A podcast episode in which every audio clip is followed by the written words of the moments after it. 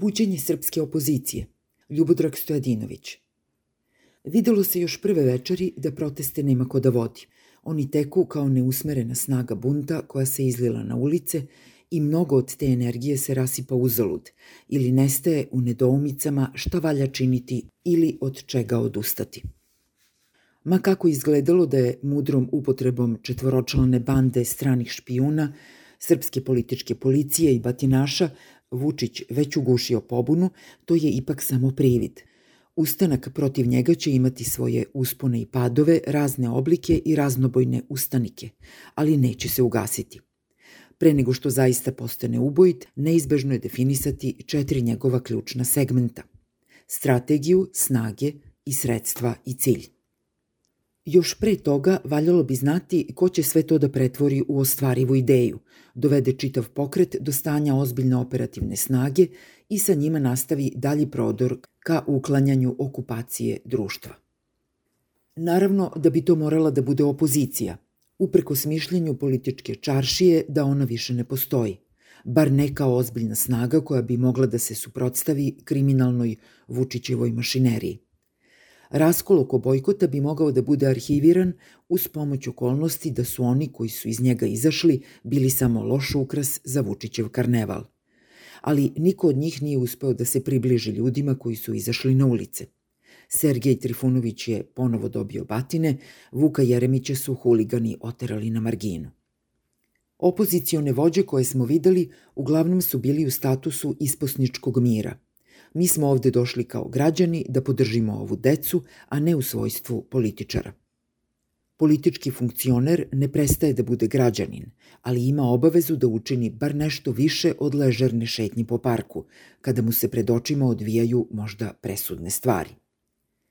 Izgleda da opozicija nije očekivala ništa više od onoga u čemu su bili – debatni ambijent o nepravdama koje čini Vučić i traganje za uslovima koji će omogućiti fair i demokratske izbore.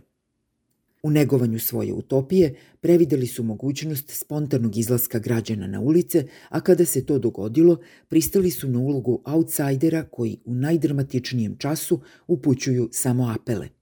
Izašli su sami, bez javnog pozivanja svojih članova i simpatizera da im se pridruže nisu učinili ništa da svoje iskustvo podele sa stihijom koja je htela sve, a nije znala kako. Svi su ćutali, nije bilo ni jednog pokušaja artikulisanja i planiranja protesta.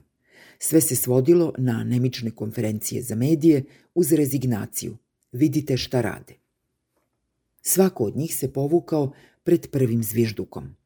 Nema znakova da je bilo sastanaka lidera opozicije sa jednom temom, kako dalje voditi proteste.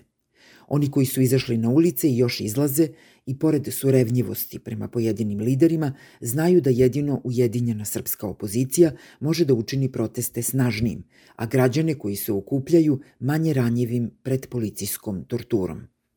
Tamo ima ljudi koji znaju kako se braniti od nasilja policije, ali i od grupa koje to nasilje podstiču svojom kolaborantskom agresivnošću. Zašto su onda još u takvoj defanzivi?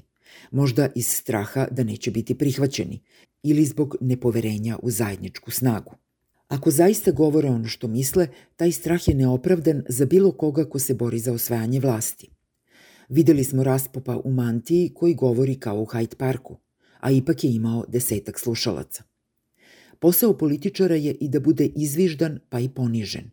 Više puta je Nikola Pašić bio pogođen trulim paradajzom i jajima, ali je nastavljao, govoreći da je zadovoljan demokratijom u kojoj predsednika vlade narod gađa mućkovima. Posle toga Baja je dobijao aplauze. Zoran Đinđić je dobio ozbiljne batine na Brankovom mostu, a činilo se da nije preterano omiljen među pobunjenicima. Ako protesti privremeno zgasnu, to će se dogoditi zbog pasivne rezistencije srpske opozicije, nespremne za ono što iz njima poznatih razloga nisu očekivali. U ovom času Srbija nema drugu opoziciju, niti njene bolje lidere. To je što je. Sada imaju priliku koju bez otpora ispuštaju iz ruku. Neprijateljska žandarmerija bez milosti bije sve redom. Tek kad lideri opozicije stanu pred kordon i dobiju svoj pendrek po leđima, možda će biti prihvaćeni. Komandant se postaje samo u borbi. Nije na meni naravno da predlažem sve ono što ljudi o kojima govorim znaju da se mora učiniti, ali evo da pokušam. Problem je jedino u tome što oni sve to znaju i kao da čekaju da se nešto dogodi samo po sebi. Vučić im nije dao uslove za fair izbore i oteo ih za sebe. Nikada vam ih neće dati ako ih ne otmete od njega, vodeći ljude koji više ne mogu da trpe aroganciju tiranina, kriminalne bande, batine i teror policijske države. On već javno pokazuje veliki strah, optužuje sve oko sebe da su ga izdali. A svoje najpouzdanije partnere iz SPS-a da su lopovi koji su opljačkali državu.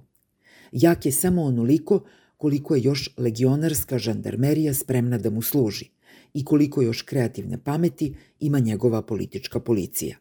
Niste vi toliko neomiljeni među narodom, kako tvrde on i njegovi mediji. Zašto onda stojite po strani?